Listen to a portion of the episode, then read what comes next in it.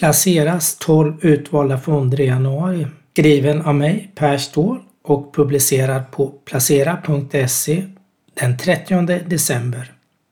Vi lägger ett ovanligt tufft börsår bakom oss och lyfter blicken in i 2023. Det finns många faktorer som kan falla på plats och skapa ett bättre och riskvilligare investeringsklimat under nästa år. Placerar passar på att addera till en ny fond i utbudet av utvalda fonder. Jag har skrivit ett otal gånger att det är viktigt att lyfta blicken när det är som mörkast. 2022 har innehållit ett ständigt nyhetsflöde om den ryska invasionen av Ukraina, rekordhög inflation, stora räntehöjningar från centralbankerna, energikris och inte minst en analkande lågkonjunktur som står för dörren. Men 2023 kan bli ett bättre år både för aktie och obligationsinvesteringar. Placera lyfter fram ett antal teman och faktorer som kan bli vägledande och öka investerarnas humör under nästa år. Frågan hur djup och lång den kommande recessionen blir är en nyckelfaktor för hur mycket konsumtionen kommer att minska som i sin tur slår på bolagens vinster. Vi vet inte riktigt hur mycket lägre bolagsvinster som är diskonterade i dagens börskurser. Men det lär vi få facit på under året som kommer. Blir konjunkturnedgången både lindrigare och kortare än förväntat kan riskaptiten stiga betydligt nästa år. Många experter är eniga att vi får leva med högre priser under det närmaste året. Men när inflationen nått sin högsta nivå, vilket den ser ut att ha gjort i USA, och i Sverige närmar vi oss den punkten under vintern, då kan centralbankerna återigen börja signalera att sänkta räntor står för dörren. Det skulle ge ett bra stöd och ett klart bättre investeringsklimat för aktier, obligationer och realtillgångar. Återöppningen av Kina är en faktor som kan bli en krockkudde för världsekonomin. Sannolikt blir det två steg framåt och ett tillbaka. Men ett mer normalt Kina minskar pressen på leverantörskedjor och därmed minskade producentpriser och lägre fraktpriser. Ökad rörlighet för kineser skapar mer konsumtion för både inhemska och internationella sällanköpsbolag och det driver ekonomisk tillväxt. USA har sjösatt sin stora energiomställningsreform och USA är energiomställning och minskat energiberoende från Ryssland av högsta prioritet. Det skapar en våg av investeringar inom förnybar energi, energieffektivisering, elfordon och annan betydelsefull infrastruktur för en grön omställning. Investeringar som skapar tillväxt och högre ekonomisk aktivitet. Sist men inte minst får vi förhoppningsvis konstruktiva fredssamtal mellan Ryssland och Ukraina under 2023. Det skulle minska de geopolitiska spänningarna, sänka risknivån och lösa livsmedelsproblematiken. Och inte minst rädda människoliv. Det är många pusselbitar som kan falla på plats under 2023 och tillsammans sammanskapar en högre tillväxt än förväntat, både i den globala ekonomin och för bolagsvinster. Det skulle öka risk och investeringsviljan. Jag väljer att bredda placeras utvalda fonder med ytterligare en aktiefond. Valet landar på en bred tillväxtmarknadsfond med småbolagsfokus. Relativt låg värdering och god vinsttillväxt talar för småbolag på tillväxtmarknaderna. Det är en liten fondkategori men som fungerar utmärkt som komplement till en tillväxtmarknadsfond med storbolagsfokus. Över hälften av världsekonomin finns på tillväxtmarknaderna och de snabbast växande länderna hittar vi där. På tillväxtmarknaderna växer den konsumtionshungriga medelklassen snabbt. Och den största delen av befolkningen i världen lever i en tillväxtmarknadsekonomi. I de utvecklade länderna är halva befolkningen över 50 år. På tillväxtmarknaderna är bara 35 procent över 50 år. I Filippinerna är hälften av befolkningen yngre än 23 år. Medelklassen strävar uppåt vad gäller levnadsstandard. Något som blir extra viktigt för de mindre bolagens tillväxt i dessa länder. Kombinationen snabbväxande småbolag och tillväxtmarknader ger en intressant mix. Tillväxtmarknaderna erbjuder historiskt på relativt hög tillväxt, en starkt växande medelklass och innovativa bolag inom teknik, industri och konsumtionssektorn. Att tillväxtmarknadsbörserna har haft några tuffa år och inte med övriga globala börser gör att de ser billiga ut för tillfället. Vinsterna för småbolag på tillväxtmarknaden spås växa med 20 det närmaste året, vilket gör att indexet MSCI Emerging Markets Small Cap nu har ett P tal för nästa år på 11. Det är betydligt lägre än värderingen för stora bolag på tillväxtmarknaderna som handlas på P tal 14,6.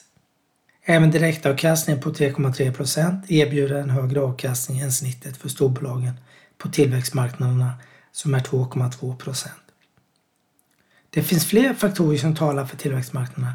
Enligt många fondförvaltare är värderingsskillnaden nu historiskt låg, vilket brukar vara ett bra köpläge. För tillfället är värderingarna historiskt låga både i relativa och absoluta tal. En annan viktig teknisk faktor är att tillväxtmarknaderna är underviktade i många internationella fondportföljer och en svag US-dollar skapar ett bättre investeringsklimat på tillväxtmarknaderna. Jag väljer en aktivt förvaltare Swedbank Robur Small Cap Emerging Markets A. Fonden har förvaltats av Jens Barnevik sedan fonden startade i februari 2019. Förvaltaren har en lång erfarenhet av småbolagsinvesteringar. Huvudfokus är på små och medelstora bolag med ett börsvärde på maximalt 5 miljarder US-dollar som är noterade på tillväxtmarknader eller andra börser. Förutsatt att bolagen har en stor andel av verksamheten i tillväxtmarknader. Förvaltaren letar efter hållbara bolag med bra historik och en beprövad affärsmodell. Bolagen ska erbjuda en bra långsiktig tillväxt till ett rimligt pris. Intressanta egenskaper hos bolagen är stark balansräkning, hög utdelning, en stor andel repetitiva intäkter, marknadsledare och dominans på en begränsad marknad. Det är ett klart plus om grundare och ägarfamiljen fortfarande är kvar i bolaget. Jens Barnevik investerar gärna efter några stora och intressanta teman och strukturella trender. Strukturella trender har många fördelar. Det skapar en tillväxt betydligt högre än globalt BNP och har oftast en lång tillväxtperiod. Strukturell tillväxt drivs av flera faktorer. Ett av de teman som fonden investerar i är en snabbt växande medelklass på tillväxtmarknaderna. Med större disponibel inkomst för medelklassen leder till större konsumtion, ökat sparande och större efterfrågan på hälsovård. Digitalisering är ett annat stort tema för fonden. Det handlar om att hitta bolag som möjliggör digitaliseringen. Ett annat investeringstema är investmentbolag. Det ger rabatt på underliggande tillgångar, vilket inte är motiverat. Att ge kapital till ett investmentbolag där grundarfamiljen är huvudägare och duktiga på att hantera lokala förhållanden och har bra bolag i portföljen är förvaltaren trygg med. Investeringsprocessen mynnar ut i en fond med mellan 60 och 100 bolag. Långsiktigheten i investeringarna är tydlig, omsättningshastigheten är låg.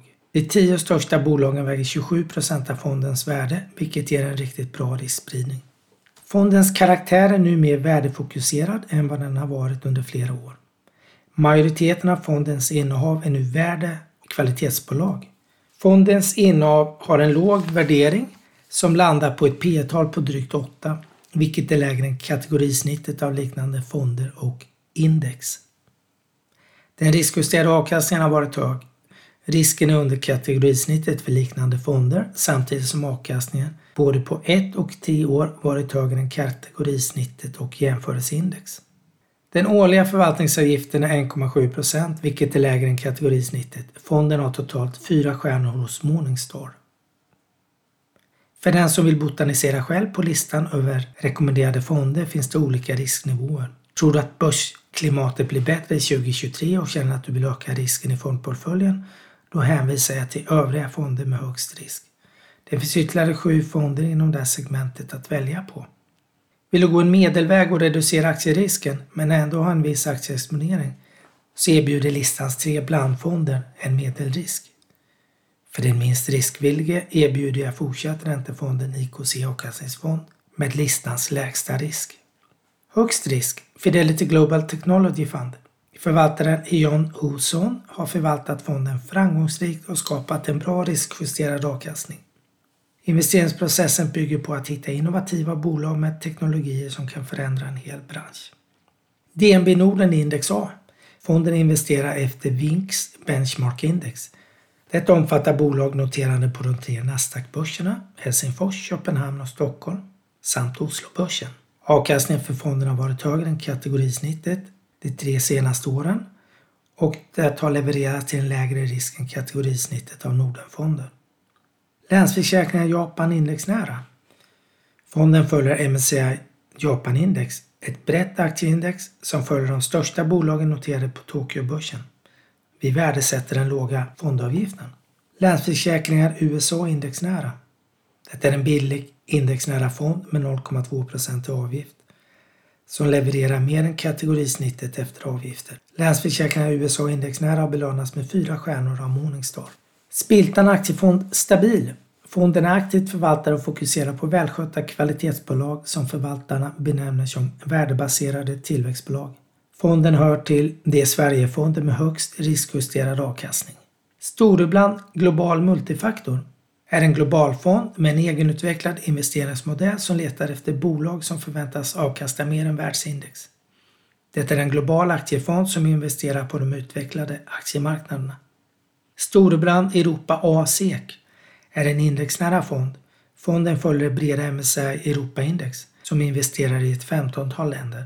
Det finns avvikelser som uppstår då fonden följer Storebrands standard för hållbara investeringar som bland annat innebär att fonden avstår från att investera i bolag som bryter mot internationella normer och konventioner.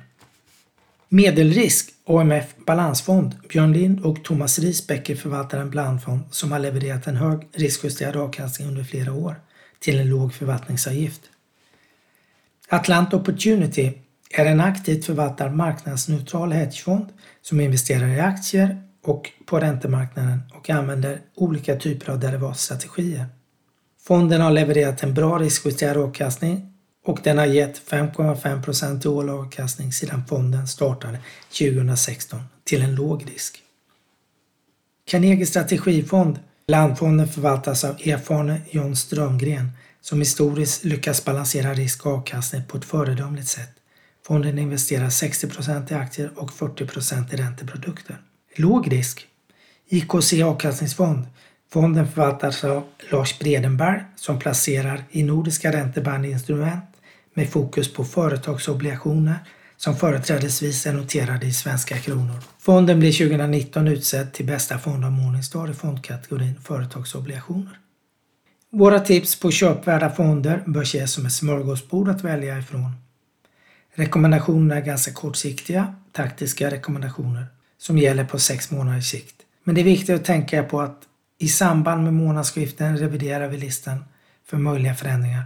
Vill du ha strategiska och långsiktiga fondrekommendationer hänvisar vi till Placeras fondtopplista över bra fondval.